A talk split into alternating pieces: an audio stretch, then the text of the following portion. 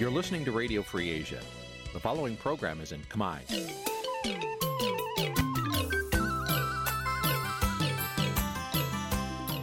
នេះជាកម្មវិធីផ្សាយ Vuthu Azizi Serai នេះជាកម្មវិធីផ្សាយរបស់ Vuthu Azizi Serai ជាភាសាខ្មែរ Vuthu Azizi Serai សូមស្វាគមន៍លោកអ្នកនាងទាំងអស់ពីរដ្ឋធានី Washington នៃសហរដ្ឋអាមេរិក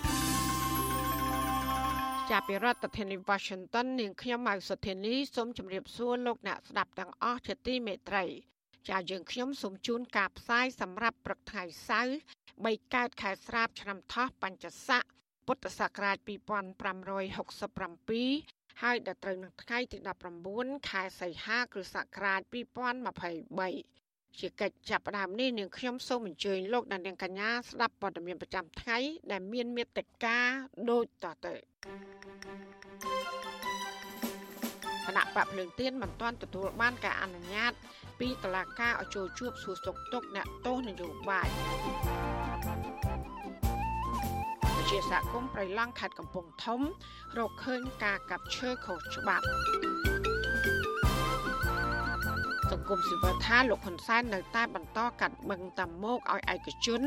ដោយមិនខ្វល់ពីបញ្ហាលំបាករបស់ប្រជាពលរដ្ឋរស់នៅជុំវិញបឹងព្រះសង្ឃនិងយុវជនខ្មែរក្រោមនិពន្ធបទចម្រៀង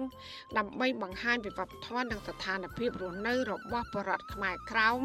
រួមនឹងព័ត៌មានសំខាន់សំខាន់មួយចំនួនទៀតចាត់ ជាបន្តទៅទៀតនេះនាងខ្ញុំម៉ៅសុធានីសូមជូនព័ត៌មានទាំងនោះពឺស្ដាប់ចាលោកនាយកជាទីមេត្រីគណៈបកភ្លើងទៀនស្នើសុំតឡាការក្រុងភ្នំពេញដើម្បីជួបសួរសុខទុក្ខសមាជិកបក7នាក់នៅក្នុងពន្ធនាគារដែលកំពុងជាប់ឃុំក្រោមហេតុផលនយោបាយមន្ត្រីសុទ្ធមនុស្សយកឃើញថាតឡាការគួរពន្លឿននិងអនុញ្ញាតតាមសំណើរបស់ពួកគេឲ្យទាន់ពេលវេលាដែលធានាដោយច្បាប់និងសិទ្ធិរបស់ជនជាប់ឃុំ ចាប់ពីរដ្ឋធានី Washington លោកសេកបណ្ឌិតរាយការណ៍ព័ត៌មាននេះមេធាវីបានដាក់លិខិតទៅសាលាដំបងរាជធានីភ្នំពេញកាលពីថ្ងៃទី16ខែសីហាដើម្បីស្នើសុំជួបសួរសុខទុក្ខក្រុមមន្ត្រីគណៈបកភ្លើងទៀន7នាក់ដែលកំពុងជាប់ឃុំបណ្ដោះអាសន្នរួមមានលោកថៃសេដ្ឋានិងសកម្មជន6នាក់ផ្សេងទៀតនៅមណ្ឌលអប់រំកែប្រែ1មណ្ឌលអប់រំកែប្រែ3និងមណ្ឌលពន្ធនាគាររាជធានីភ្នំពេញមក2ឬហៅថា PC លិខិតដដែលបញ្ជាក់ថាសំណើនេះធ្វើឡើងតាមសំណើរបស់ជនជាប់ចោត7នាក់នោះមកមេធាវីដោយពួកគេស្នើសុំជួបអនុប្រធានគណៈបកលោករងឈុនដោយមានវត្តមានមេធាវីការពារសិទ្ធិដើម្បីជួបសួរសុខទុក្ខនៅក្នុងពុទ្ធនាគារអនុប្រធានគណៈបកភ្លើងទៀនលោករងឈុនប្រាប់បទសុអសីសេរីនៅថ្ងៃទី18ខែសីហាថាការដាក់លិខិតទៅតុលាការស្នើសុំជួបថ្នាក់ដឹកនាំនិងសកម្មជនគណៈបកនេះ ក្នុងគោលបំណងចង់ដឹងអំពីស្ថានភាពសុខភាព ការរស់នៅក្នុងពុទ្ធនាគារហើយចង់បង្ហាញថាគណៈបកភ្លើងទៀនតែងតែយកចិត្តទុកដាក់ចំពោះពួកគាត់ដែលទទួលរងនៅអំពើអយុត្តិធម៌ពីព្រោះការចាប់ខ្លួន និងការចោទប្រកាន់ដោយសាររឿងនយោបាយទោះយ៉ាងណា លោកថាតុលាការក្រុងភ្នំពេញនឹងអនុញ្ញាតឲ្យលោកបានចូលសួរសុខទុក្ខពួកគាត់ទាំង7នាក់នោះ ដឹកនាំគណៈបកភ្លើងទៀននឹងយើងតែងតែយកចិត្តទុកដាក់ទៅដល់សកម្មជនក៏ដូចជាថ្នាក់ដឹកនាំភ្លើងទៀនដែលកំពុងជាប់នៅក្នុងពន្ធនាគារយ៉ាង អតិថិធម៌ខ្ញុំគិតថារឿងនេះវាសមដែលបលាការផ្ដល់ចម្លើយឆាប់ដើម្បីខ្ញុំបានចូលទៅសួរសុខពួកគាត់ហើយខ្ញុំគិតថាវាមិនមានរឿងអីដែលត្រូវមិនអោយទេវាត្រូវតែផ្ដល់ខ្ញុំបានទៅសាកសួរជាសការីរបស់ខ្ញុំលោករងឈុនបង្ហើបឲ្យដឹងថាក្រៅពីគម្រោងជួបជាមួយថ្នាក់ដឹកនាំគណៈបកភ្លើងទៀនហើយលោកក៏គ្រោកដាក់សំណើសុំសួរសុខទុក្ខអ្នកជាប់ឃុំ ក្រោមហេតុផលនយោបាយរបស់គណៈបកសង្គ្រោះជាតិផ្សេងទៀតដែរសមត្ថកិច្ចរដ្ឋាភិបាលលោកហ៊ុនសែនបានឃុំខ្លួនអនុប្រធានគណៈបកភ្លើងទៀនលោកថៃសេដ្ឋារួមទាំងថ្នាក់ដឹកនាំនិងសកម្មជនបកភ្លើងទៀនមួយចំនួនទៀតជាបន្តបន្ទាប់កាលពីដើមឆ្នាំ2023ការចាប់ខ្លួនគឺស្របពេលដែលកម្ពុជារៀបចំការបោះឆ្នោតដោយគ្មានវត្តមានគណៈបកនេះចូលរួមប្រគល់ប្រជែងចំណែកតុលាការវិញបានចោទប្រកាន់ពួកគាត់ពីបទញុះញង់និងក្លែងឯកសារ ហើយបញ្ជូនទៅឃុំខ្លួនបណ្ដោះអាសន្នរហូតមកទល់នឹងពេលបច្ចុប្បន្ននេះវិទ្យុអាស៊ីសេរីនៅពុំទាន់អាចតាក់ទងแนะនាំពាក្យតុលាការក្រុងភ្នំពេញលោកអ៊ីរិន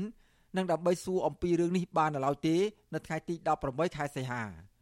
ចំណែកមេធាវីការពីក្តីឲ្យសកម្មជនបកប្រឆាំងលោកសំសុគង្គឲ្យដឹងថាមកទល់ពេលនេះតុលាការមិនឆ្លើយតបទៅនឹងសំណើរបស់លោកនៅឡើយទេប៉ុន្តែលោកបញ្ជាក់ថាលោកនឹងសួរទៅតុលាការតាក់ទងរឿងនេះ នៅសប្តាហ៍ក្រោយទៀតខ្ញុំទៅ follow up តតងរឿងនេះដើម្បីចង់សួរព័ត៌មានថាតើតុលាការសម្រេចតាមការស្នើសុំឬមួយក៏តុលាការបដិសេធចំពោះការស្នើសុំរបស់មេធាវីតតទៅនឹងការសួរសួរសុខទុក្ខទៅលើជនជាប់ឃុំនៅម៉1ម៉2ហើយនឹង PC ជុំវិញរឿងនេះប្រធានសមាគមការពារសិទ្ធិមនុស្សអាត6លោកនីសុខា សង្កេតឃើញថាកន្លងមកបងប្អូនឬមិត្តភ័ក្តិតែងតែពិបាកនៅក្នុងការស្នើសុំចូលសួរសុខទុក្ខសកម្មជននយោបាយ សកម្មជនសិទ្ធិមនុស្សដែលជាប់ឃុំនៅក្នុងពន្ធនាគារ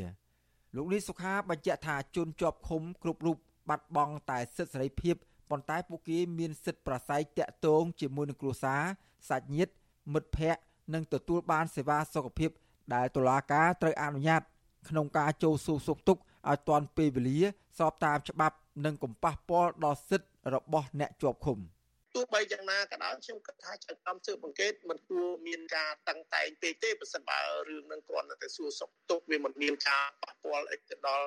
ដំណើរការស៊ើបអង្កេតរបស់ខ្លួននឹងក៏ថាគួរតែមានការឆ្លើយតបនិងអនុញ្ញាតឲ្យបានជាវិជ្ជមាននិងឲ្យបានទាន់ពេលវេលាផងដែរបើគោរពទៅលើគោលការណ៍សិទ្ធិរបស់ជនជាប់ចោតមកទល់នឹងពេលនេះសកម្មជនគណៈបកសង្គ្រោះជាតិ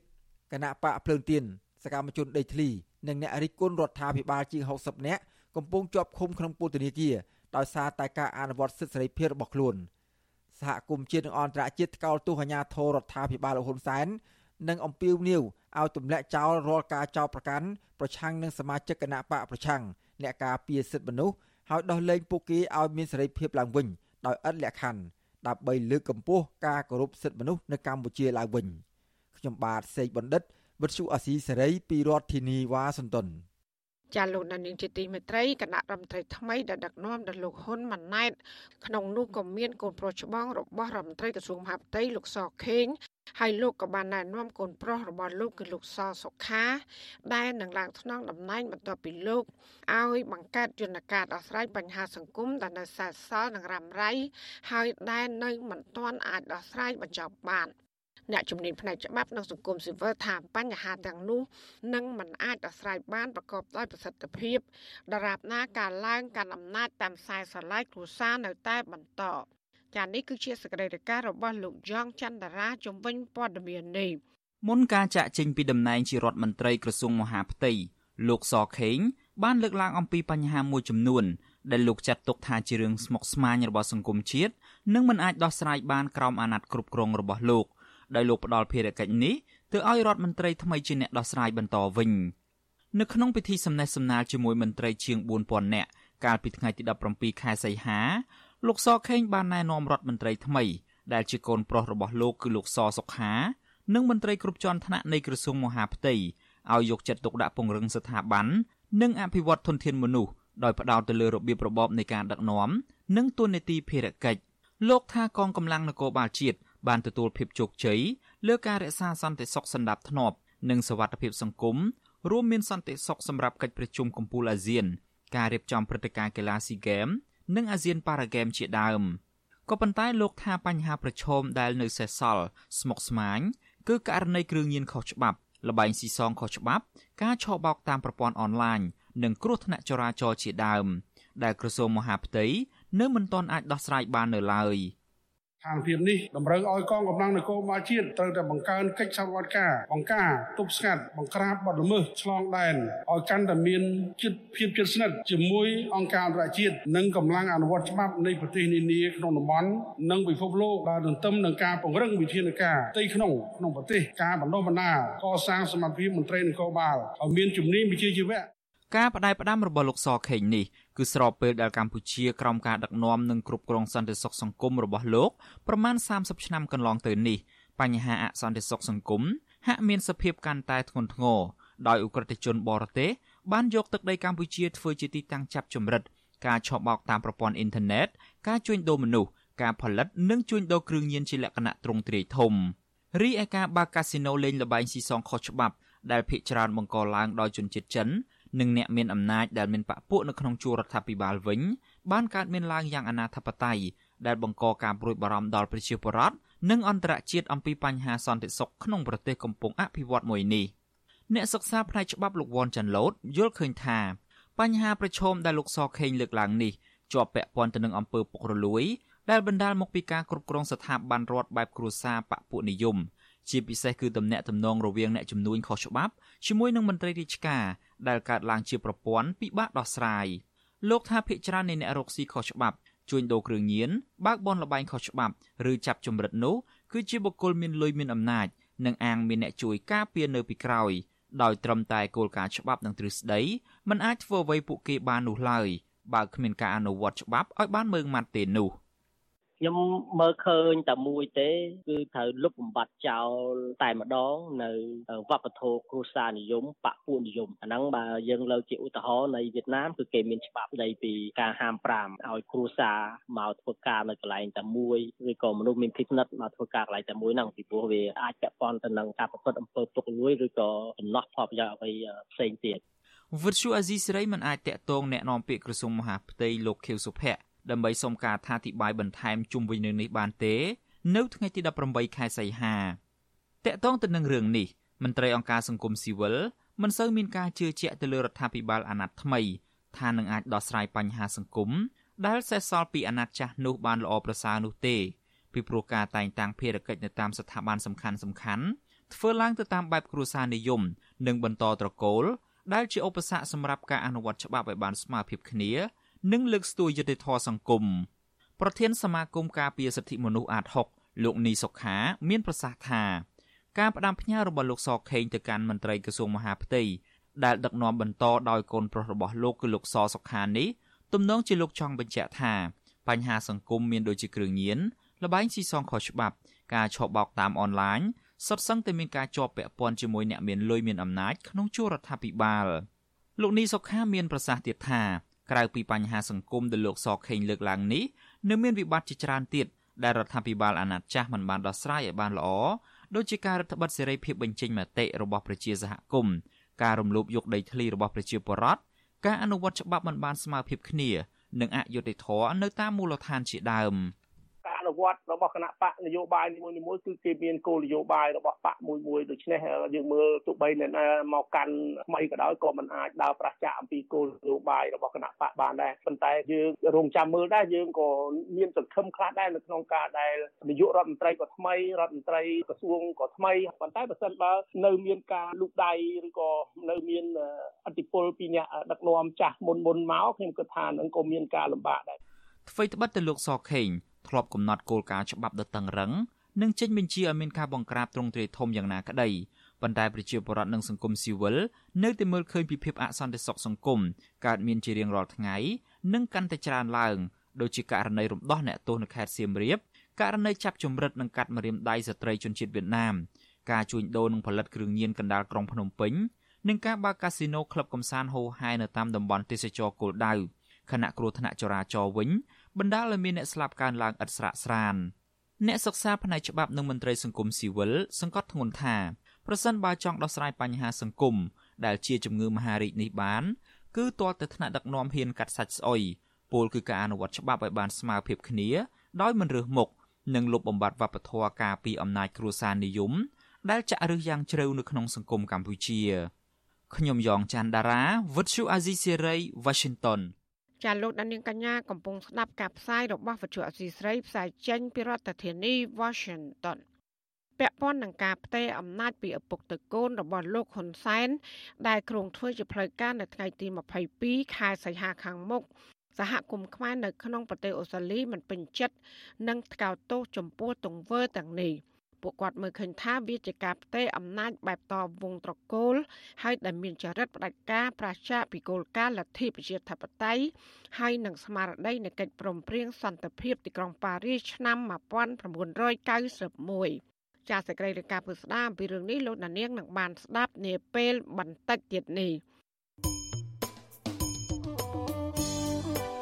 លោកនានីជាទីមេត្រីដំណើរធាននឹងស្ដាប់ការផ្សាយរបស់វិទ្យុអសីស្រី តាមបណ្ដាញសង្គម Facebook YouTube និង Telegram លោកអ្នកនាងក៏អាចស្ដាប់ការផ្សាយរបស់យើងតាមរលក ធាតុអាកាសខ្លីឬ Shortwave តាមកម្រិតនិងកម្ពស់ដូចតទៅចាប់ពីព្រឹកចាប់ពីម៉ោង5កន្លះដល់ម៉ោង6កន្លះតាមរយៈប៉ុស SW 12.14 MHz ស្មើនឹងកម្ពស់ 25m និងប៉ុស SW 13.71 MHz ស្មើនឹងកម្ពស់ 22m ការសម្រាប់ពេលយប់វិញគឺចាប់ពីម៉ោង7កន្លះដល់ម៉ោង8កន្លះគឺតាមរយៈប៉ុស SW 9.33 MHz ស្មើនឹងកម្ពស់ 32m ប៉ុស SW 11.88 MHz ស្មើនឹងកម្ពស់ 25m និងប៉ុស SW 12.15 MHz ស្មើនឹងកម្ពស់ 25m ចាសសូមអរគុណចាលោកនានីជាទីមេត្រីកម្លាំងនគរបាលជាតិបង្ក្រាបបានក្រុមអក្រិតជនចំនួន6នាក់ដែលពួកគេបានចេញប្រតិបត្តិការរំដោះអ្នកទោសជាមេជួញដូរគ្រឿងញៀនតៃវ៉ាន់ម្នាក់ ឲ្យរួចផុតពីការអនុវត្តទោសក្នុងការនគរបាលខេត្តសៀមរាបលោកតេងច័ន្ទណាត ប្រាប់បច្ចុប្បន្នស៊ីស្រីកាលពីថ្ងៃទី18ខែសីហាថាក្រោយពីក្រុមអក្រិតជន បានចេញប្រតិបត្តិការរំដោះអ្នកទោសតៃវ៉ាន់ម្នាក់នៅឯ clinic ថ្មីមួយកន្លែងនៅខេត្តសៀមរាបភ្លាមកម្លាំងសមត្ថកិច្ចជំនាញបានថាការគ្នាជាមួយកម្លាំងនគរបាលជាតិបានបង្ក្រាបអក្រិតជនចំនួន6នាក់កាលពីយប់ថ្ងៃទី17ខែសីហា ប៉ុន្តែលោកសុំមិនបញ្ជាក់អត្តសញ្ញាណជនល្មើសទាំងនោះឡើយលោកអះអាងថាសមត្ថកិច្ចកំពុងបន្តការស្រាវជ្រាវដើម្បីស្វែងរកមុខសញ្ញាដែលពាក់ព័ន្ធការពិព្រឹកថ្ងៃទី17ខែសីហាជនល្មើសមានគ្នា5នាក់ពាក់ស្រោមមុខប្រដាប់ដោយកំភ្លើងកាណុងគ្រប់ដៃបានទម្រុកចូលទៅរំដោះអ្នកទោសតៃវ៉ាន់ម្នាក់ឈ្មោះឈិនស៊ីហានដែលជាប់ទោសចំនួន52ឆ្នាំ ពីបទជួញដូរគ្រឿងញៀនក្នុងគ្រាដែលមន្ត្រីពន្ធនាគារបានបញ្ជូនអ្នកទោសរូបនោះទៅព្យាបាលថ្មិញនៅគ្លីនិកថ្មិញជុំចន្ទាក្នុងខេត្តសៀមរាបសមត្ថកិច្ចអះអាងថាឈ្មោះឈិនស៊ីហាននេះគឺជាជនជាតិចិនប៉ុន្តែតាមការស៊ើបអង្កេតរបស់វិទ្យុអសីស្រីរកឃើញថាឈ្មោះឈិនស៊ីហាន គឺជាជនជាតិតៃវ៉ាន់ ឯកសារប៉ូលីសតៃវ៉ាន់បញ្ជាក់ថាមេជួញដូរគ្រឿងញៀនឆិនស៊ីហាន ដែលត្រូវបានចាប់ខ្លួនដោយអាជ្ញាធរកម្ពុជាកាលពីឆ្នាំ2009អាចសម្រេចរត់ពន្ធជួញដូរគ្រឿងញៀនប្រភេទហេរ៉ូអ៊ីនប្រមាណ2000ក្រាមឬស្មើនឹង2គីឡូក្រាម ទៅឲ្យជនល្មើសតៃវ៉ាន់នៅតៃវ៉ាន់នៅពេលដែលកំពុងជាប់ពន្ធនាគារកាលពីឆ្នាំ2020តាមរយៈឈ្មួញកណ្ដាលដោយប្រើប្រាស់ WhatsApp ដៃជើងឈិនស៊ីហានឈ្មោះហ្វាងយូហ្សុនត្រូវបានចាប់ខ្លួនកាលពីខែវិច្ឆិកាឆ្នាំ2020រួមនឹងឈ្មោះកណ្ដាលម្នាក់ទៀតឈ្មោះណាថានហ្គៃការ៉ិតដែលជាអ្នកបើកបរជនជាតិអង់គ្លេសហើយដែលឈ្មោះឈិនស៊ីហានជួបក្នុងពន្ធនាគារនៅកម្ពុជាមកទល់នឹងយប់ថ្ងៃទី18ខែសីហាម្សិលមិញសមត្ថកិច្ចនៅមិនទាន់ចាប់បានអ្នកទោសតៃវ៉ាន់ដែលជាមេខ្លោងគ្រឿងញៀនហើយដែលក្រុមអក្រិតជនបានរំដោះនៅឡើយទេ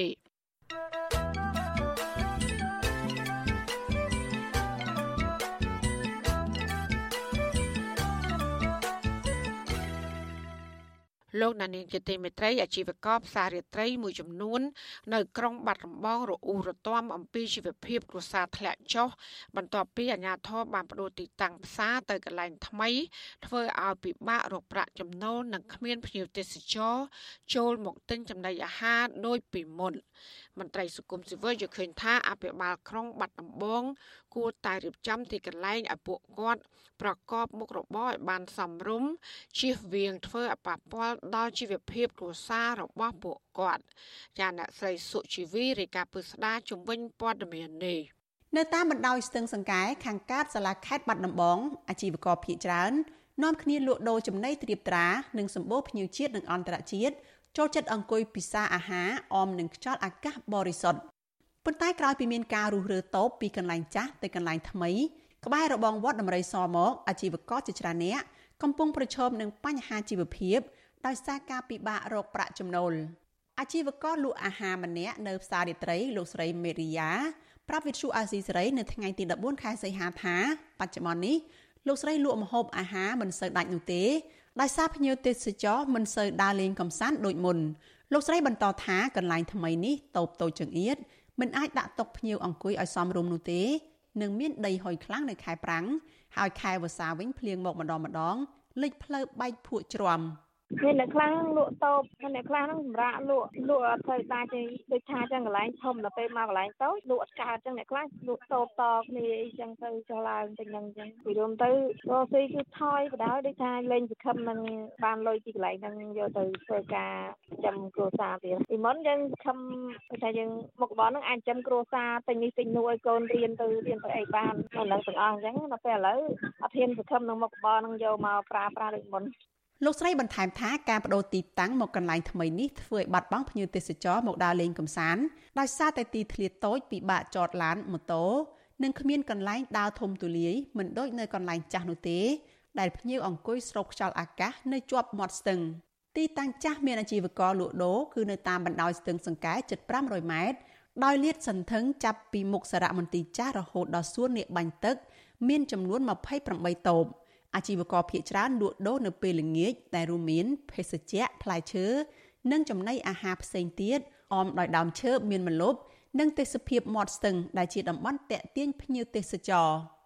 កាលពីថ្ងៃទី10ខែមិនិនារដ្ឋបាលក្រុងបាត់ដំបងបានកំណត់ឲ្យអាជីវកររុះរើតូបលក់ដូរនៅកន្លែងចាស់ក្នុងរយៈពេល3ថ្ងៃក្រោមហេតុផល ថាកែលម្អទីតាំងផ្សាររាត្រីដែលប្របនឹងមាត់ស្ទឹងសង្កែ ឲ្យคล้ายជាសួនវិមានឯករាជ្យនិងសួនច្បារសម្ដេចក្រឡាហោមសខេងប៉ុន្តែអាជីវករអះអាងថានៅទីតាំងថ្មីទំហំតូបលក់ដូររបស់ពួកគេតូចដែលមានទំហំត្រឹមតែ2ម៉ែត្រ4ជ្រុងខណៈនៅកន្លែងចាស់មានទំហំធំទូលាយអាចដាក់តុអង្គុយបានច្រើនអាជីវករម្នាក់ទៀតគឺលោករតរឿនត្អូញត្អែថាប្រាក់ចំណូលធ្លាក់ចុះហើយត្រូវបង់សេវាសន្តិសុខនិងអនាម័យថ្លៃគុណនឹង2ដង ដោយក្នុងមួយខែត្រូវចំណាយអស់ជាង100,000រៀលលោកបន្តថាសប្តាហ៍ថ្ងៃនេះក្នុងមួយថ្ងៃលោករកប្រាក់ចំណូលបានចន្លោះពី20,000រៀលទៅ10,000រៀលប៉ុណ្ណោះខុសពីនៅកន្លែងចាស់ដែលលោកអាចលក់ដូរបានចាប់ពី20,000រៀលទៅដល់30,000រៀល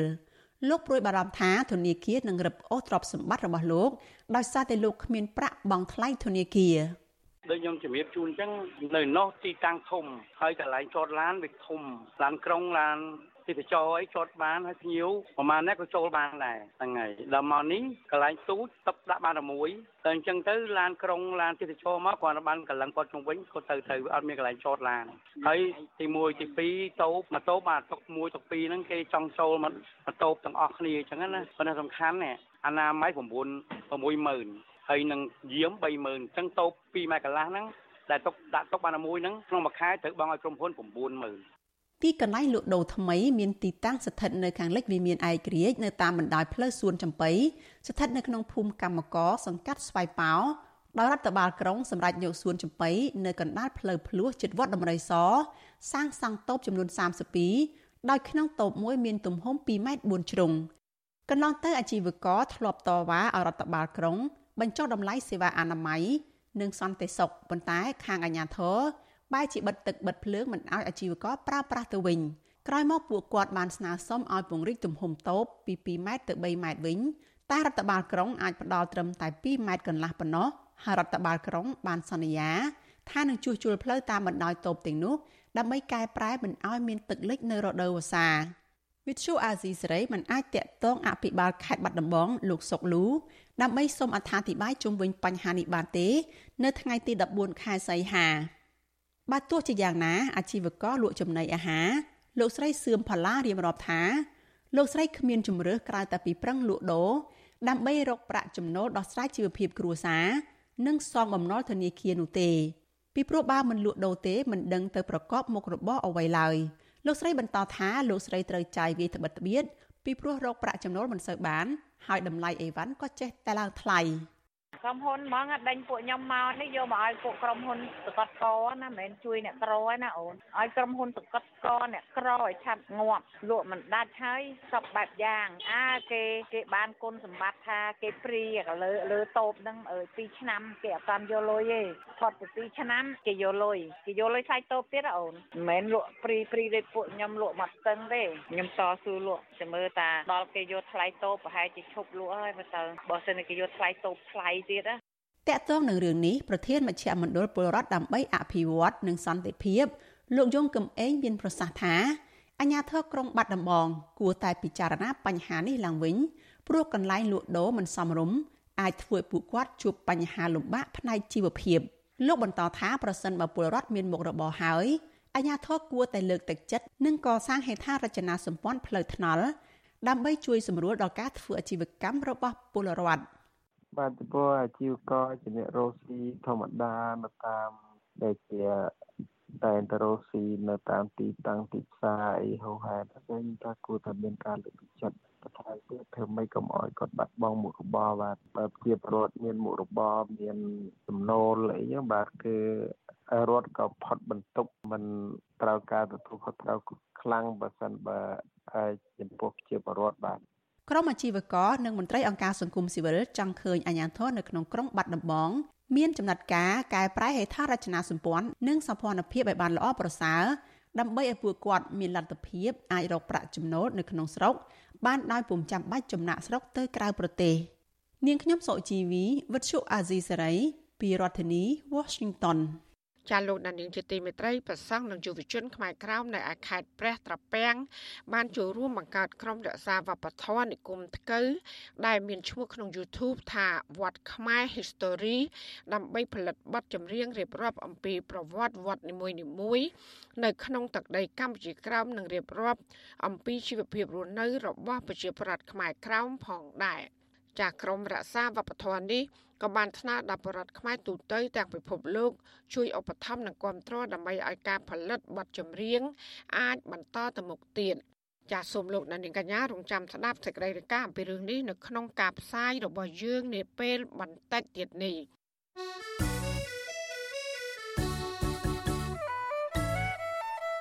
ចាលោកនាងជាទីមេត្រីកម្មវិធី podcast កម្ពុជាសប្តាហ៍នេះរបស់វិទ្យុអសីស្រីចេញផ្សាយនៅរៀងរាល់ព្រឹកថ្ងៃសៅរ៍ នៃសប្តាហ៍នីមួយៗមកនៅប្រទេសកម្ពុជា កម្មវិធីនេះរៀបចំដោយនាយកនិងនាយករងនៃកម្មវិធីការផ្សាយរបស់វិទ្យុអសីស្រីជាភាសាខ្មែរគឺលោកសំពូលីនិងលោកជុនច័ន្ទបុតចាសសូមប្រិយមិត្តស្វែងរកនិងស្ដាប់ podcast របស់យើងនៅលើកម្មវិធី podcast របស់ Apple, Google និង Spotify ដោយគ្រាន់តែសរសេរពាក្យថាកម្ពុជាសប្តាហ៍នេះឬ Cambodia this week ដោយក្នុងប្រអប់ស្វែងរកតែយើងក៏នឹងចាប់ផ្សាយ podcast នេះឡើងវិញនៅក្នុងការផ្សាយផ្ទាល់របស់យើងតាមបណ្ដាញសង្គម Facebook YouTube និង Telegram នៅរៀងរាល់យប់ថ្ងៃច័ន្ទចាសសូមអរគុណ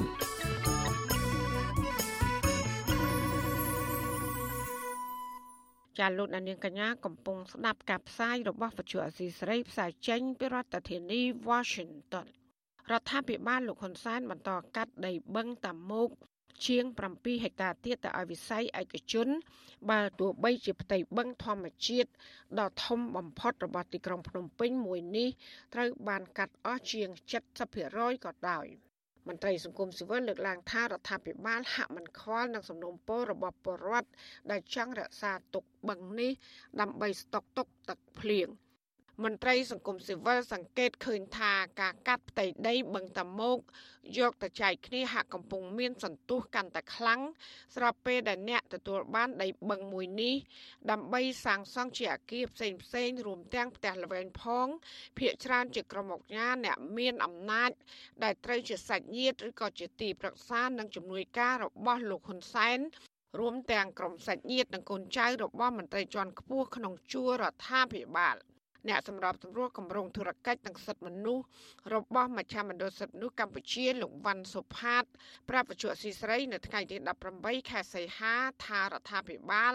មិនបានខ្វល់ពីសំណុំពររបស់ក្រមពលរដ្ឋរួមទាំងអង្គការសង្គមស៊ីវិលជាតិនិងអន្តរជាតិដែលចង់រក្សាផ្ទៃបឹងដែលនៅសេសសល់នេះសម្រាប់ធ្វើជាអាងស្តុកទឹកធម្មជាតិដើម្បីជួយរំដោះចំនួនទឹកភ្លៀងដែលតែងធ្វើឲ្យលិចលង់ទីក្រុងភ្នំពេញ និងកំពុងបង្កការលំបាកដល់ការរស់នៅរបស់ប្រជាពលរដ្ឋនោះឡើយយើងមើលតាមសន្ទុះហ្នឹងទៅឃើញថាប្រហែលជាអត់មានកម្លាំងអ្វីឬអនុភាពអ្វីទៅទប់ស្កាត់នៃការសម្រេចចិត្តរបស់រាជរដ្ឋាភិបាលនេះបានទេអានឹងគឺថាឃើញថាលឿនទៅមុខគឺទោះបីយើងអឺមតិជាតិអន្តរជាតិឬមួយប្រជាពលរដ្ឋដែលកំពុងរងគ្រោះនឹងគឺថាស្រែកស្នើសុំយ៉ាងទទូចទៅដល់ក៏ នៅតែមានការពន្លឿននៃការផ្ដល់ដីហាក់បីដូចជាមានការចម្លែកក្នុងការផ្ដល់ហ្នឹងគឺថាមានសន្ទុះលឿនណាបាទដូចតែមិនធ្លាប់មានពីមុនមក ការលើកឡើងរបស់មន្ត្រីសង្គមស៊ីវិលរូបនេះក្រោយពេលដែលផ្ទៃបឹងតាមុកជាង7ហិកតាទៀតត្រូវបានរដ្ឋាភិបាលកាត់ចេញប្រកាសទៅឲ្យស្ត្រី3នាក់គឺលោកស្រីសុកស្រីពៅអេងស៊ីឆេងនិងលោកស្រីវ៉ាន់ធីតាដើម្បីកាន់កាប់ជាកម្មសិទ្ធិឯកជននេះបើតាមអនុក្រឹត្យចុះកាលពីថ្ងៃទី26ខែមករាដែលចុះហត្ថលេខាដោយលោកហ៊ុនសែនហើយទើបតែចេញផ្សាយកាលពីថ្ងៃទី17ខែសីហា វត្ថុអសីស្រីមិនទាន់អាចតាក់ទងសុំការបំភ្លឺពីអ្នកនាំពាក្យសាលារាជធានីភ្នំពេញលោកមេតមាភក្តីបានទេនៅថ្ងៃទី18ខែសីហាសមាគមធៀងថ្នោតលើកឡើងតាមទំព័រ Facebook ថានេះគឺជាការកាត់ផ្ទៃបឹងលើកទី71ដែលសរុបជាផ្ទៃដីមានជាង2300ហិកតា ឬស្មើជាង73%នៃផ្ទៃដីបឹងតមុកសរុបដែលមានជាង3200ហិកតា រដ្ឋាភិបាលនៅតែបន្តកាត់ផ្ទៃដីបឹងតមុកឲ្យវិស័យឯកជននិងអ្នកមានអំណាចក៏ប៉ុន្តែក្រមបរដ្ឋដែលរស់នៅជុំវិញបឹងតមោករាប់រយគូសា តាំងពី20និង30ឆ្នាំមុននោះត្រូវបានអាជ្ញាធរបង្ខំឲ្យដោះដូរទៅទីតាំងផ្សេងដែលស្ថិតនៅឆ្ងាយពីមុខរបរចិញ្ចឹមជីវិតរបស់ពួកគាត់ បរដ្ឋម្នាក់រស់នៅបឹងតមោកដែលកំពុងរងការគំរាមកំហែងពីអាជ្ញាធរឲ្យផ្លាស់ប្ដូរទៅទីតាំងផ្សេង លោកស្រីសៀដាវីលើកឡើងថាលោកស្រីបានត្រឹមតែឈឺចាប់នៅពេលដែលឃើញរដ្ឋាភិបាលបន្តកាត់ដីបឹងតាមុកប្រកាសទៅឲ្យក្រុមអ្នកមានអំណាចនិងក្រុមអង្គញាធ្វើត្បិតអ្នកទាំងនោះពុំដែលបានទៅរស់នៅក្នុងតំបន់ដីបឹងតាមុកបានមួយថ្ងៃក្តី មានការខកចិត្តយ៉ាងខ្លាំងចំពោះរដ្ឋាភិបាល ដូចជាអាជ្ញាធរខណ្ឌនិងអាជ្ញាធរក្រុង ដែលមិនព្រមដោះស្រាយចេញបានកម្មសិទ្ធិឲ្យពួកបងរស់នៅស្របច្បាប់ព្រោះអីពួកបងមករស់នៅនេះតាំងអ្នកខ្លះតាំងពីឆ្នាំ1995តរៀងមកហើយសម្រាប់ផ្ទះបងមករស់នៅទីនេះតាំងពីឆ្នាំ2000ហើយញត្តិរបស់ពួកបងដាក់ទៅគ្រប់ស្ថាប័នទាំងអស់គឺវាអឺមកនៅទៅនៅលើសាលារាជធានីទាំងអស់ហើយសាលារាជធានីក៏បញ្ជូនមកឲ្យ សាលាខណ្ឌព្រៃភ្នៅជាអ្នកដោះស្រាយសាលាខណ្ឌព្រៃភ្នៅអត់មានអ្វីក្រៅពីឲ្យពួកបងដោះដូរទៅទីតាំងថ្មីលោកស្រីបន្តថាក្រមអាជ្ញាធរមិនត្រឹមតែមិនដោះស្រាយតាមការស្នើសុំរបស់ប្រជាប្រដ្ឋនោះទេក៏ប៉ុន្តែថែមទាំងចាប់ប្រកាន់ក្រុមបរដ្ឋដែលបានចេញតវ៉ាកន្លងមក ថាជាក្រុមធ្វើបដិវត្តពណ៌ផ្ដួលរំលំរដ្ឋាភិបាលទៅវិញ ក្រុមអង្គការសង្គមស៊ីវិលលើកឡើងថាតាមគោលការណ៍ច្បាប់ការដកហូតទ្រព្យកម្មសិទ្ធិត្រូវតែមានការវិតម្លៃដើម្បីផ្ដល់សំណងឲ្យបានសមរម្យដែលអាចឲ្យបរដ្ឋរស់នៅជុំវិញបឹងតមោកទទួលយកបានប៉ុន្តែកន្លងមកការដោះស្រាយផលប៉ះពាល់ដីធ្លី ស្ទើរតែគ្រប់ទីកន្លែងទាំងអស់ត្រូវបានគេមើលឃើញថាมันបានធ្វើឡើងស្របតាមច្បាប់ ដោយសារតែអាជ្ញាធរនិងរដ្ឋាភិបាលហាក់មាននានាការលំអៀងទៅខាងក្រុមអ្នកមានអំណាច ឬខាងក្រុមហ៊ុនច្រើនជាង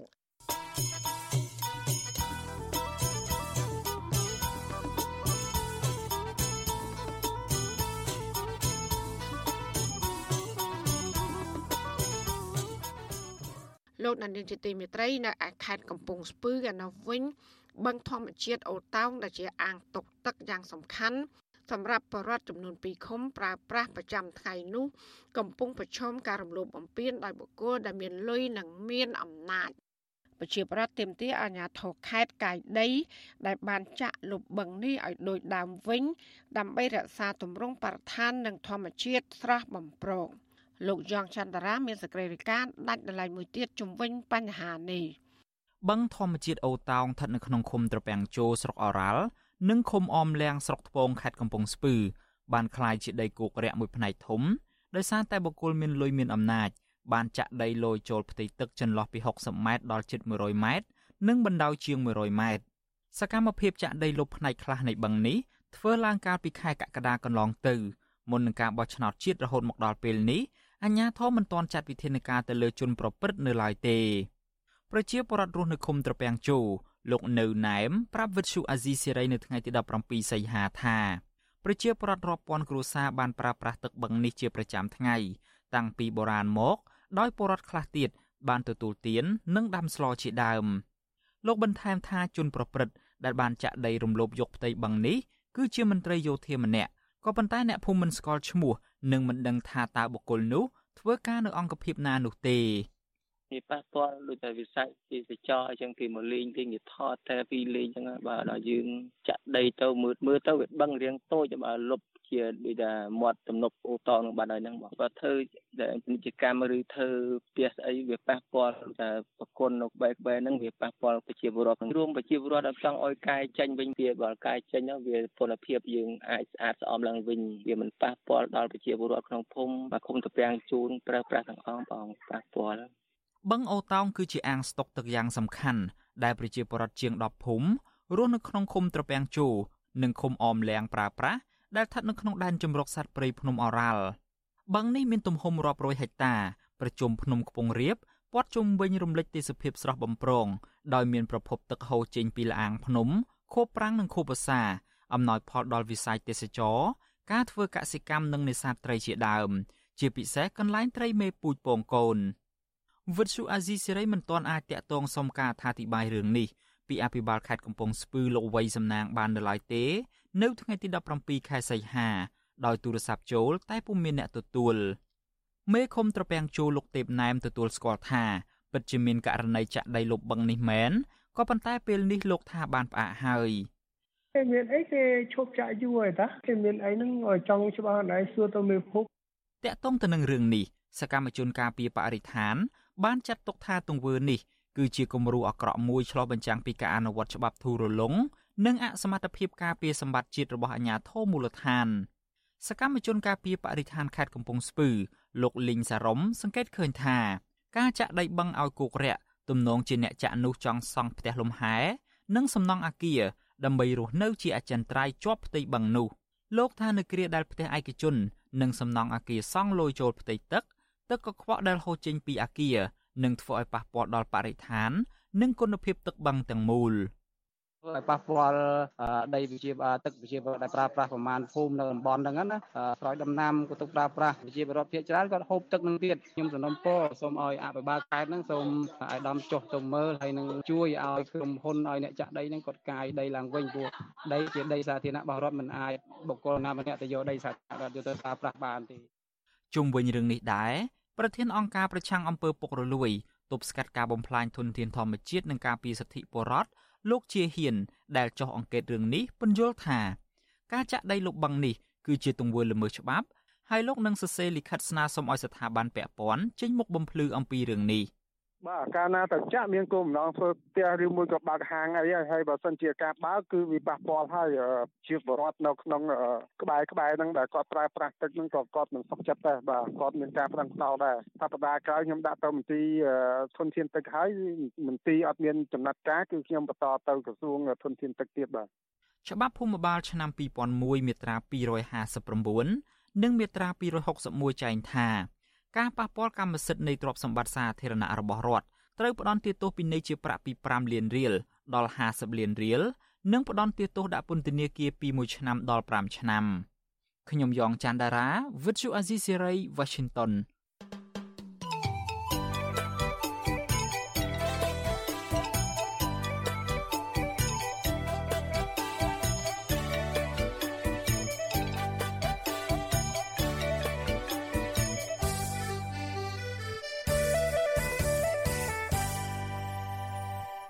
ចាលោកអ្នកស្ដាប់ជាទីមេត្រីនៅឯកម្ពុជាក្រោមម្នោះវិញប្រសង់និងយុវជនខ្មែរក្រោមនៅខេត្តព្រះត្រពាំងបានចូលរួមបង្កើតក្រុមរក្សាវប្បធម៌និគមថ្កូវដែលមានឈ្មោះក្នុង YouTube ថាវត្តខ្មែរ History ដើម្បីផលិតបទចម្រៀងរៀបរាប់អំពីប្រវត្តិវត្តនីមួយៗនៅក្នុងទឹកដីកម្ពុជាក្រោមហើយនឹងរៀបរាប់អំពីស្ថានភាពរបស់បរតខ្មែរក្រោមក្រមរក្សាវប្បធម៌នេះស្នើដល់បរតខ្មែរទូទាំងពិភពលោក ឲ្យជួយឧបត្ថម្ភនិងគ្រប់គ្រងដើម្បីឲ្យការផលិតបទចម្រៀងនេះអាចបន្តទៅមុខទៀតចាលោកសេកបណ្ឌិត មានសេចក្តីរាយការណ៍ពុស្ដាជំវិញព័ត៌មាននេះ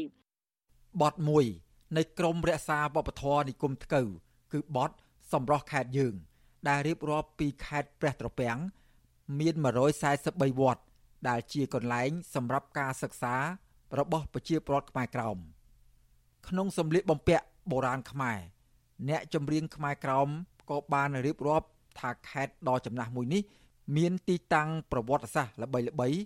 រួមមានគូស្រះស្រី និងដើមឈើទាលអុកញ៉ាសឿនគុយដែលជានិមិត្តរូបឲ្យប្រជាពលរដ្ឋខ្មែរក្រោមចូលរួមការពារនិងអភិរក្សវប្បធម៌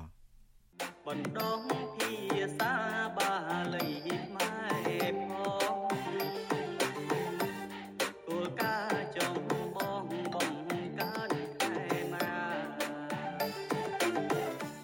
ព្រះចៅអធិការវត្តស្វាយរៀបចាស់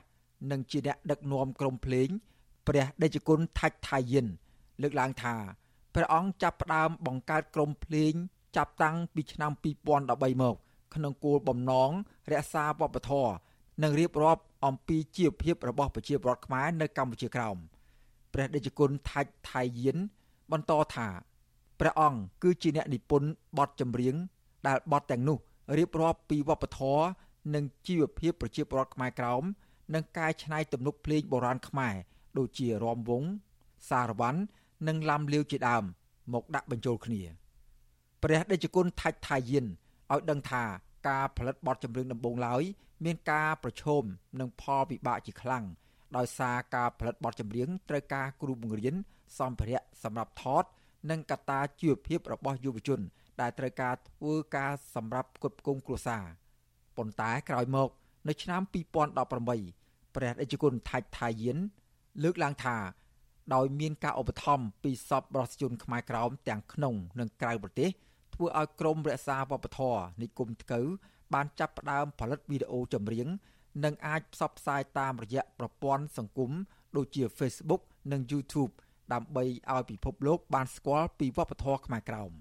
ផលលំបាកនៅក្នុងការបង្កើតនេះគឺមានដូចជាឧទាហរណ៍កត្តាក្នុងក្រមព្រៃយើងបង្កើតក្រមមួយតែងតែប៉ះពាល់ទៅដល់មជ្ឈដ្ឋានខាងក្រៅដូចជាសង្គមទី1គឺរដ្ឋាភិបាលពេលខ្លះក៏គេមើលបំណាំយើងដែរព្រោះយើងបង្កើតជាក្រុមមួយគឺគេមិនចង់ឲ្យមានទេទី2ទៀតគឺកត្តាបងប្អូនអ្នកសិក្សា ពេលខ្លះបងប្អូនរវល់ការសិក្សាក៏បោះបង់ចោលក្រុមហើយទី3ទៀតគឺកតាមទៀតគឺការមុខរបរតែម្ដងដល់បងប្អូនធំនេះគឺពេលខ្លះគិតទៅរឿងការធ្វើរោងចក្រឬក៏ប្រកបជីវកម្មរុស្ស៊ីនេះគឺមិនបានមិនបានចាចូលរួមថែរក្សាវប្បធម៌បន្តទៅទៀតព្រះដេចគុណថាច់ថាយិន មានសង្ឃដីកាបន្តថាបច្ចុប្បន្នយុវជនក្រមរក្សាវប្បធម៌និគមថ្កូវមានប្រមាណ30ទៅ40នាក់ដែលបន្តស្ម័គ្រចិត្តនិងអាចទទួលបានកម្រៃតិចតួចសម្រាប់ភេសជ្ជៈ ឬថ្លៃធ្វើដំណើរតែទោះយ៉ាងណាព្រះដេចគុណថាច់ថាយានថាដើម្បីសម្រេចគោលដៅផ្សព្វផ្សាយទូលំទូលាយជាងនេះគឺទាមទារឲ្យមានការជួយឧបត្ថម្ភបន្តទៀតព្រោះថានៅមានវត្តនិងតំបន់ប្រវត្តិសាស្ត្រផ្សេងៗទៀតដែលមិនទាន់បានផ្សព្វផ្សាយនៅឡើយ។ស្មារតីសង្ឃឹមថាគ្រាន់តែជួយការយកយកចិត្តទុកដាក់ពីតាំងពីខ្មែរកណ្ដាលក្តីខ្មែរលើក្តីគឺខ្មែរនៅខាងក្រៅប្រទេសក្តីជួយយកចិត្តចិត្តទុកដាក់ចំពោះខ្មែរបងប្អូននៅកម្ពុជាក្រោម ដែលមានការខ្វះខាតទាំងវិស័យសិក្សាទាំងវិស័យសិល្បៈអប់រំវ័យជាដើមនេះគឺខ្វះខាតច្រើនហើយដោយសង្ឃឹមថាបងប្អូនគ្រប់ចក្រទិសគឺជួយយកចិត្តទុកដាក់នៅកន្លែងហ្នឹងដើម្បីឲ្យខ្មែរក្រមយើងគង់វង្សគិតត្រឹមឆ្នាំ2018វត្តនៅកម្ពុជាក្រោមមានចំនួន461វត្តនិងមានព្រះសង្ឃចំនួនជាង8500អង្គក្នុងនោះវត្តដែលមានអាយុចាស់ជាងគេ នៅទឹកដីកម្ពុជាក្រោម គឺមុនពេលដែលវៀតណាម បានចូលឈ្លានពាន និងរស់នៅលើទឹកដីកម្ពុជាក្រោមមានឈ្មោះថាវត្តសម្បួររាំងសីដែលពលរដ្ឋខ្មែរក្រោមស្គាល់ថាវត្តសម្បួរបានកកើតក្នុងពុទ្ធសករាជ916បើគិតមកដល់ឆ្នាំ2023នេះ មានអាយុកាល1651ឆ្នាំ ដែលស្ថិតនៅក្នុងឃុំក្រសាំងស្រុកកំពង់ស្ពានខេត្តព្រះត្រពាំងពលរដ្ឋខ្មែរក្រោមអះអាងថា បើសិនជាខ្មែរក្រោមបាត់បង់វត្តអារាម មានន័យស្មើនឹងបាត់បង់ទឹកដីវប្បធម៌និងពុជពងខ្មែរក្រោមតែម្ដង ខ្មែរកម្ពុជាក្រោមក៏រក្សាទីវត្តអារាម ដើម្បីសហគមន៍អន្តរជាតិដឹងថាខ្មែរក្រោមជាជនជាតិមានដើមកំណើតនៅលើទឹកដី ខ្មែរកម្ពុជាក្រោមដែលវៀតណាម បានវាទីគ្រប់គ្រងមិនដូចវៀតណាមដែលអះអាងថាខ្មែរក្រោមជាជនជាតិដើមភាគតិចរស់នៅលើទឹកដីវៀតណាមនោះទេ អ្នកចម្រៀងនៃក្រមរក្សាវប្បធម៌និគមថ្កូវលោកស្រីអានសោភាលើកឡើងថា លោកស្រីចេះភាសាខ្មែរដោយបានរៀនពីឪពុកម្ដាយព្រះសង្ឃសូត្រធម៌នៅតាមវត្តអារាម និងក្រោយមកនៅអំឡុងឆ្នាំ2020លោកស្រីបានហាត់រៀននិងស្ម័គ្រចិត្តច្រៀងចម្រៀងយីកេល្ខោនបាសាក់និងបទភ្លេងសម័យនៅតាមពិធីបុណ្យផ្សេងផ្សេងលោកស្រីអានសោភាថាការคลายជាអ្នកចម្រៀង និងចូលរួមផ្សព្វផ្សាយអំពីវប្បធម៌ខ្មែរគឺជាក្តីស្រមៃតាំងពីតូចមកម្ល៉េះតែឥឡូវសប្ថ្ងៃនាងខ្ញុំប្រឹងខំប្រឹងទៅអសមត្ថភាពដើម្បីជួយជួយពលខ្មែរក្នុងរក្សាវប្បធម៌ទាំងឲ្យជួយលោកគ្រូផ្សព្វផ្សាយបទចម្រៀងដែលលោកគ្រូគាត់តែងទៅអំពីពុទ្ធប្រវត្តិនៃវត្តនានាហ្នឹងឲ្យបានសម្រេចលោកស្រីអានសោភាថាលោកស្រី និងសមាជិកក្រុមមានបញ្ហាប្រឈមនៅរឿងថវិកាក្នុងការបន្តសកម្មភាពដូច្នេះសមាជិកក្រុមនីមួយៗត្រូវធ្វើការផ្គត់ផ្គង់គ្រួសារផងដែរទោះយ៉ាងណា លោកស្រីអានសូភា លើកឡើងថានឹងបញ្ញាចិត្តដើម្បីបន្តផ្សព្វផ្សាយវប្បធម៌ខ្មែរនិងបង្ហាត់បង្រៀនដល់កូនខ្មែរក្រោមចំនួនក្រោយផងដែរប្រធានសហព័ន្ធខ្មែរកម្ពុជាក្រោមប្រចាំកម្ពុជា លោកតាំងសារៈលើកឡើងថា ការថែរក្សាវប្បធម៌និងប្រពៃណីរបស់ពលរដ្ឋខ្មែរក្រោមមានសារៈសំខាន់ដើម្បីការពារពូជសាសន៍ខ្មែរក្រោមកុំឲ្យបាត់បង់ព្រោះប្រសិនបើវប្បធម៌ខ្មែរក្រោមបាត់បង់នោះនឹងលែងមានពលរដ្ឋខ្មែរដែលជាជនជាតិដើមរស់នៅលើទឹកដីវៀតណាមទោះយ៉ាងណាលោកតាំងសារៈថ្លែងថាដើម្បីអាចអភិរក្សវប្បធម៌ខ្មែរក្រោមបានទាមទារឲ្យពលរដ្ឋខ្មែរគ្រប់ទីកន្លែងជួយឧបត្ថម្ភគាំទ្រព្រោះថារដ្ឋវៀតណាម មិនឧបត្ថម្ភគាំទ្រលើសកម្មភាពណាមួយរបស់ពលរដ្ឋខ្មែរក្រោមនោះទេប្រសិនបើខ្មែរកម្ពុជាក្រោមមិនមានវប្បធម៌ឲ្យប្លែកពីជនជាតិវៀតណាមទេគឺប្រហែលជាយើងពិបាកនឹងធ្វើការនៅកត់សម្គាល់ថាជាខ្មែរអ្នកណាជាវៀតណាមអានេះជាលក្ខណៈទូទៅណានៅក្នុងភូមិមួយប្រសិនបើគ្មានវត្តអារាម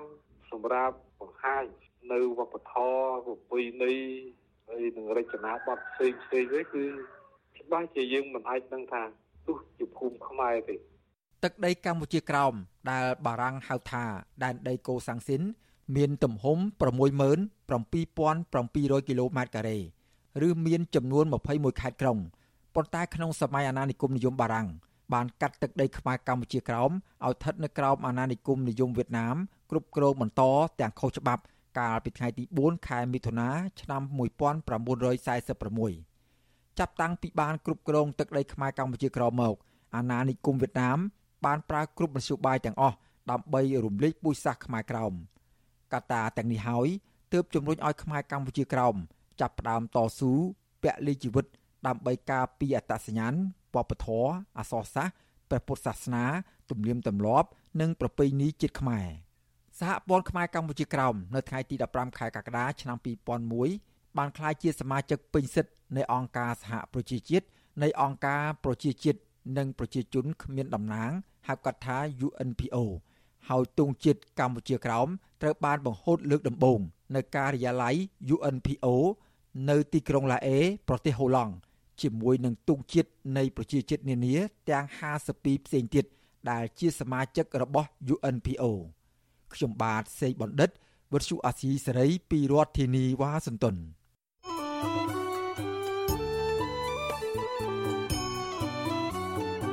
លោកដានៀងជាទីមេត្រីក្នុងឱកាសនេះដែរនាងខ្ញុំសូមថ្លែងអំណរគុណដល់លោកដានៀងកញ្ញាទាំងអស់ដែលតែងតែមានភក្ដីភាព ចំពោះការផ្សាយរបស់យើងហើយចាត់ទុកការស្ដាប់វិទ្យុអសីសេរីគឺជាផ្នែកមួយនៃសកម្មភាពប្រចាំថ្ងៃរបស់លោកអ្នក ការគ្រប់គ្រងរបស់លោកដានៀងនេះហើយដែលធ្វើយើងខ្ញុំមានទឹកចិត្តកាន់តែខ្លាំងថែមទៀតក្នុងការស្វែងរកនិងផ្តល់ព័ត៌មានជូនដល់លោកដានៀងចាំមានអ្នកស្ដាប់អ្នកទេសនាកាន់តែច្រើនកាន់តែធ្វើយើងខ្ញុំមានភាពស្វាហាប់មោះមុតជាបន្តទៀតចាយើងខ្ញុំសូមអរគុណទុកជាមុនហើយក៏សូមអញ្ជើញលោកដានៀងកញ្ញាចូលរួមជំរុញឲ្យសកម្មភាពផ្ដល់ព័ត៌មានរបស់យើងនេះកាន់តែជោគជ័យបន្ថែមទៀត លោកដានៀងអាចជួយយើងខ្ញុំបានដោយគ្រាន់តែចុចចែករំលែកឬ share ការផ្សាយរបស់យើងនេះ នៅលើបណ្ដាញសង្គម Facebook និង YouTube ទៅកាន់មិត្តភ័ក្តិដើម្បីឲ្យការផ្សាយរបស់យើងនេះបានទៅដល់មនុស្សកាន់តែច្រើនចាសសូមអរគុណ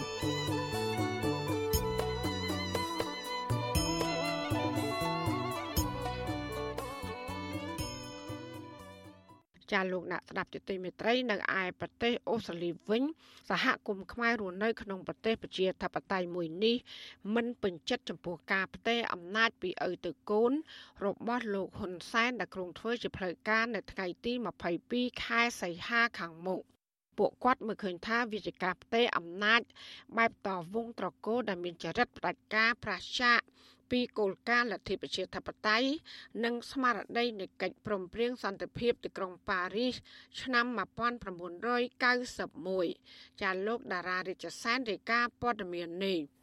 អង្គការមិនមែនរដ្ឋាភិបាលនានានិងថ្នាក់ដឹកនាំសហគមន៍ខ្មែរមួយចំនួនក្នុងប្រទេសអូស្ត្រាលីកំពុងបញ្ជូនសារនិងលិខិតជាផ្លូវការដល់រដ្ឋាភិបាលអូស្ត្រាលីសម្ដែងការមិនពេញចិត្តចំពោះផែនការផ្ទេរអំណាចតំណែងនាយករដ្ឋមន្ត្រីពីលោកហ៊ុនសែនទៅឲ្យកូនប្រុសច្បងគឺលោកហ៊ុនម៉ាណែតនៅក្នុងប៉ុន្មានថ្ងៃទៀតនេះពួកគាត់ជំរុញឲ្យរដ្ឋាភិបាលអូស្ត្រាលីមិនទទួលស្គាល់ រដ្ឋាភិបាលថ្មីរបស់ប្រទេសកម្ពុជាដែលនឹងដឹកនាំដោយលោកហ៊ុនម៉ាណែតដែលឡើងតាមជើងខោឪពុកនៅក្រៅការបោះឆ្នោតដែលមិនអនុញ្ញាតឲ្យបកប្រឆាំងចូលរួមអង្គការមិនមែនរដ្ឋាភិបាលមួយឈ្មោះថាបណ្ដាញជនជាតិអូស្ត្រាលីអាស៊ីអាគ្នេយ៍ដែលមានស្ថាបនិកជាមេធាវីខ្មែរអូស្ត្រាលី លោកឯកសាវត្ថីនិងមានអ្នកនាំពាក្យជាអតីតតំណាងរាជគណៈបកសង្គ្រោះជាតិលោកងឹមញែងលោកងឹមញែងបានលើកឡើងថាលទ្ធិប្រជាធិបតេយ្យនៅកម្ពុជាគឺស្លាប់តាំងពី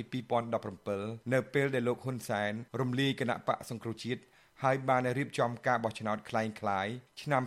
2018ហើយឆ្នាំ2023នេះក៏មិនខុសគ្នាដែរព្រោះលោកហ៊ុនសែនជាជនផ្ដាច់ការជាគំរូអាក្រក់បំផុតដែលបានយកប្រទេសកម្ពុជា ធ្វើជាកម្មសិទ្ធិឯកជនរបស់ក្រុមគ្រួសារត្រកូលហ៊ុនលោកអំពាវនាវឲ្យពលរដ្ឋខ្មែរអូស្ត្រាលីនិងនៅក្រៅស្រុកបន្តបេសកកម្មទៅមុខទៀតដើម្បីឲ្យមានការផ្លាស់ប្ដូរវិជ្ជមានមួយនៅកម្ពុជាចង់សំណូមពរឲ្យបងប្អូនខ្មែរយើងទាំងអស់ជាពិសេសនៅក្រៅប្រទេសគឺធ្វើសកម្មភាពជំរុញឲ្យរដ្ឋាភិបាលនៅក្រៅប្រទេសទាំងអស់បដិសេធលទ្ធផលការបោះឆ្នោតឆ្នាំ2023នេះហើយ ជួយជំរុញធ្វើម៉េចកុំឲ្យមានការផ្ទេរអំណាចតពូជអញ្ចឹងព្រោះវាប៉ះពាល់ទៅដល់ជោគវាសនាប្រទេសជាតិជោគវាសនារបស់ប្រជាពលរដ្ឋខ្មែរទាំងមូលមិនមែនប៉ះពាល់ទៅដល់លើមនុស្សតែមួយក្រុមទេអញ្ចឹងគឺតើតើយើងចូលរួមធ្វើការងារទាំងអស់គ្នាបានអាចជួយជាតិយើងបាន លោកបន្ថែមថា អង្គការបណ្ដាញជនជាតិអូស្ត្រាលីអាស៊ីអាគ្នេយ៍បានធ្វើកិច្ចការទូតមួយចំនួនជាមួយរដ្ឋាភិបាលអូស្ត្រាលី និងគណៈបកប្រឆាំងផ្សេងទៀតដែលមានអាសនៈក្នុងរដ្ឋសភា ដើម្បីជំរុញដាក់ទណ្ឌកម្មជាបន្តទៀតដូចជាការបិទទឹកដីកាដល់មន្ត្រីគណៈបកប្រជាជនណា ដែលចូលដៃចូលជើង រំលាយរដ្ឋិប្រជាធិបតេយ្យនៅកម្ពុជា និងបំបែកបំបាក់សហគមន៍ខ្មែរនៅអូស្ត្រាលី។អ្វីដែលយើងបានសហការនឹងកំពុងតែធ្វើហ្នឹងគឺមិនមែនគ្រាន់តែជាមួយនឹងគណៈបកដឹកនាំរដ្ឋាភិបាល Labor ទេគឺយើងធ្វើជាមួយគណៈបកប្រឆាំងហើយនឹង Green ដែរហើយគ្រប់គណៈបកបានថាគ្រប់ភាគីទាំងអស់គឺគេគ្រប់គ្រងផែនការ សកម្មភាពហើយគេរីករាយនឹងសហការការងារជាមួយនឹងក្រុម Asian Network ទាំងអស់បាទដោយឡែកអង្គការសហព័ន្ធខ្មែរអូស្ត្រាលីសាជីវកម្មនៃទីក្រុង Melbourne ដែលមានអតីតតំណាងរាស្ត្រអូស្ត្រាលីដើមកំណើតខ្មែរលោកហុងលឹមជាប្រធាន នៅតែទទូចនឹងជំរុញឲ្យប្រទេសអូស្ត្រាលីគិតគូររឿងប្រជាធិបតេយ្យនិងសិទ្ធិមនុស្សនៅកម្ពុជា អង្គការមួយនេះបានចេញសារជាផ្លូវការថាកម្ពុជាដែលនឹងមានលោកហ៊ុនម៉ាណែតជានាយករដ្ឋមន្ត្រី គឺមិនខុសពីការដឹកនាំបែបផ្ដាច់ការដោយលោកហ៊ុនសែននោះទេព្រោះការបោះឆ្នោតកាលពីទី23កក្កដាកន្លងទៅគឺคล้ายคล้ายក្បត់លទ្ធិប្រជាធិបតេយ្យក្បត់ឆន្ទៈពលរដ្ឋនិងគ្មានសិទ្ធិមនុស្សមានការគំរាមកំហែងអំពើហិង្សាក្នុងអំឡុងពេលការបោះឆ្នោតដោយបង្ខំពលរដ្ឋបោះឆ្នោតឲ្យគណៈបកប្រជាជន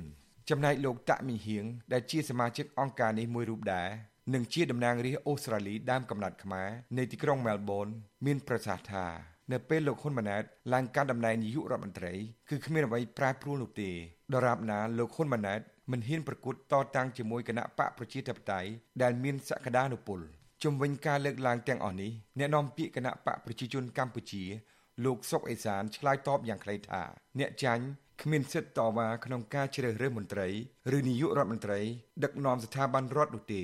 គណៈបកណាចាញ់ឆ្នោតមានសិទ្ធិអីអត់មានសិទ្ធិទេបាទមានតែគណៈបកឈ្នះឆ្នោតទេដែលមានសិទ្ធិតែងតាំងចាត់តាំងមន្ត្រីរបស់ខ្លួនចូលទៅតាមស្ថាប័ននានារបស់ជាតិរបស់រដ្ឋបើទោះជាលោកសុកអេសាននិយាយហាក់ឌឺដងក្នុងន័យបញ្ឆិតបញ្ឈៀងសម្ដៅទៅលើបកប្រឆាំងជាបកចាញ់ឆ្នោតក្តីប៉ុន្តែនរណាក៏ដឹងដែរថាគណៈបកប្រឆាំងគឺគណៈបកភ្លើងទៀនមិនត្រូវបានកោជបដែលស្ថិតក្រោមខ្សែញាក់របស់លោកហ៊ុនសែន អនុញ្ញាតឲ្យចូលរួមការប្រកួតប្រជែងបោះឆ្នោតជាមួយគណៈបកប្រជាជនកម្ពុជានោះទេដូច្នោះការលើកឡើងអំពីគណៈបកដែលចាញ់ឆ្នោតរបស់លោកសុកអេសានអាចជាការព្យាយាមបំភាន់ការពិតតែប៉ុណ្ណោះប្រធានសមាគមខ្មែរប្រចាំទីក្រុងមែលប៊នប្រទេសអូស្ត្រាលីលោកជីយ៉ូហូនមានប្រសាសន៍ថាការផ្ទេរអំណាចពីឪពុកទៅកូននេះគឺប្រឆាចពីលទ្ធិប្រជាធិបតេយ្យទាំងស្រុងព្រោះក្នុងបណ្ដាប្រទេសប្រជាធិបតេយ្យលើលោកនេះគ្មានប្រទេសណាផ្ទេរអំណាចពីឪទៅកូននោះទេ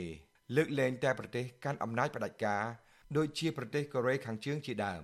លើសពីនេះលោកថាគណៈបកប្រជាជនកម្ពុជាថែមទាំងផាត់ចោលនិងរាំងខ្ទប់គណៈបកភ្លឹងទៀនមិនឲ្យចូលរួមការបោះឆ្នោតកាលពីថ្ងៃទី23កក្កដាមែនតើគណៈបកភ្លើងទៀនអត់ចាញ់ទេពីព្រោះយើងមិនឲ្យគេទៅឈរឈ្មោះបោះឆ្នោតអាហ្នឹងគឺអំពើនឹងអយុត្តិធម៌ខ្លាំងណាស់បើយើងក្លាហានណាស់បើយើងសឿងណាស់មិនបើក បើកទ្វារឲ្យខាងគណៈបកហ្នឹងគេទៅឈរឈ្មោះទោះបីជាគេចាញ់ក៏គេចាញ់អស់ចិត្តដែរអ្នកសិក្សាស្រាវជ្រាវផ្នែកអភិវឌ្ឍសង្គមនិងជាអ្នកវិភាគឯករាជ្យបណ្ឌិតសេងសេរីមានប្រសាសន៍ថាពលរដ្ឋខ្មែរក្នុងប្រទេសអូស្ត្រាលីយល់ដឹងច្បាស់ពីសិទ្ធិសេរីភាពរបស់ពួកគាត់និងស្រឡាញ់លទ្ធិប្រជាធិបតេយ្យចង់បានការផ្លាស់ប្ដូរនៅកម្ពុជាដោយសន្តិវិធីប្រកបដោយយុត្តិធម៌សច្ចធម៌និងសិលធម៌ក្នុងសង្គមជាតិដូចប្រទេសអូស្ត្រាលីដែរការផ្ទេរអំណាច របស់លោកនាយករដ្ឋមន្ត្រីហ៊ុនសែនទៅទៅលោកហ៊ុនម៉ាណែតហ្នឹងគឺវាមានបញ្ហាច្រើន ដែលយើងនៅមានបន្ទើសង្ស័យហើយអ្វីដែលសំខាន់ហ្នឹងគឺការផ្ទេរអំណាចនេះហាក់ដូចជាមានកត្តាជាច្រើន ដែលពលរដ្ឋមានការសង្ស័យជាពិសេសហ្នឹងគឺជាកត្តាដែល មិនដើរតាមមាគ៌ាប្រជាធិបតេយ្យដែលយើងបានព្រមព្រៀងគ្នាកាលពីឆ្នាំ1991នៅក្នុងសន្និសីទក្រុងប៉ារីសនោះបាទលោកបណ្ឌិតសេនស៊ូរីបន្ថែមថាដើម្បីរួមចំណែកស្ដារឡើងវិញនៅលទ្ធិប្រជាធិបតេយ្យដែលកំពុងខ្ទេចខ្ទាំនៅកម្ពុជាពលរដ្ឋខ្មែរនៅក្រៅស្រុកត្រូវបន្តធ្វើការងារការទូតជាមួយអន្តរជាតិបន្តទៀត ដើម្បីទាមទារឲ្យប្រទេសហត្ថលេខីសាររើកិច្ចព្រមព្រៀងសន្តិភាពទីក្រុងប៉ារីឆ្នាំ1991មកអនុវត្តសម្រាប់បរិបទនយោបាយកម្ពុជាសពថ្ងៃអង្គការមិនមែនរដ្ឋាភិបាលនិងពលរដ្ឋខ្មែរក្នុងប្រទេសអូស្ត្រាលី សន្យាថានឹងបន្តទៀមទាឲ្យមានការបោះឆ្នោតដោយសេរីនិងយុត្តិធម៌និងមានការចូលរួមពីគណៈបកប្រឆាំងស្របតាមគោលការណ៍លទ្ធិប្រជាធិបតេយ្យសេរីពហុបក ដើម្បីបញ្ជៀសនៅការផ្ទេរអំណាចតវងត្រកូលដែលលោកហ៊ុនសែនកំពុងតែផ្ទេរឲ្យទៅកូនប្រុសច្បងរបស់លោកនៅពេលនេះខ្ញុំដារ៉ារីជសែនវិទ្យុអាស៊ីស្រីទីក្រុង Adelaide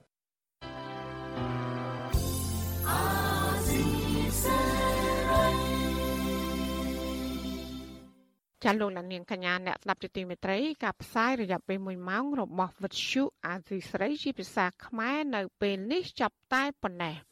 ចាយើងខ្ញុំទាំងអស់គ្នាសូមជូនពរលោកនាង និងក្រុមគ្រួសារទាំងអស់សូមជួបប្រកបតែនឹងសេចក្តីសុខសេចក្តីចម្រើន ជានិរន្តរ៍ចានាងខ្ញុំម៉ៃសុធានីព្រមទាំងក្រុមការងារទាំងអស់របស់អាស៊ីស្រីសូមអរគុណនិងសូមជម្រាបលា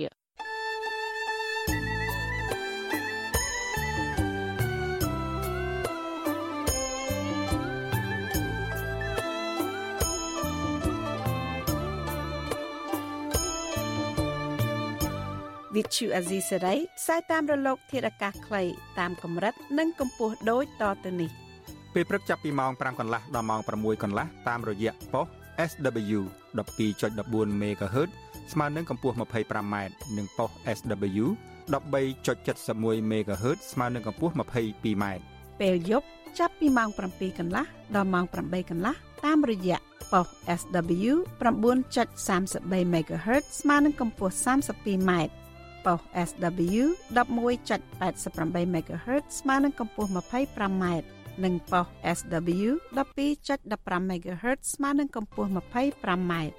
លោកអ្នកនាងក៏អាចស្ដាប់និងទស្សនាការផ្សាយផ្ទាល់នៅលើគេហទំព័ររបស់ Vuthu Azizi Saray តាមរយៈអាស័យដ្ឋាន rfa.org/ ខ្មែរក្រៅពីនេះលោកអ្នកនាងក៏អាចអាននិងទស្សនាព័ត៌មាន Vuthu Azizi Saray លើទូរស័ព្ទដៃរបស់លោកអ្នកផ្ទាល់ សូមលោកអ្នកនាងដំឡើងកម្មវិធី Vithu Azisaray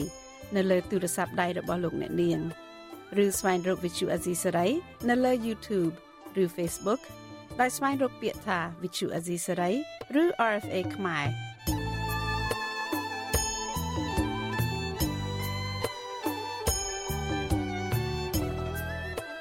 សូមលោកអ្នកនាងចុច like follow និងចុច subscribe ដើម្បីទទួលបានព័ត៌មានថ្មីៗទាន់ហេតុការណ៍ និងទស្សនាវីដេអូផ្សេងៗទៀតបានគ្រប់ពេលវេលា។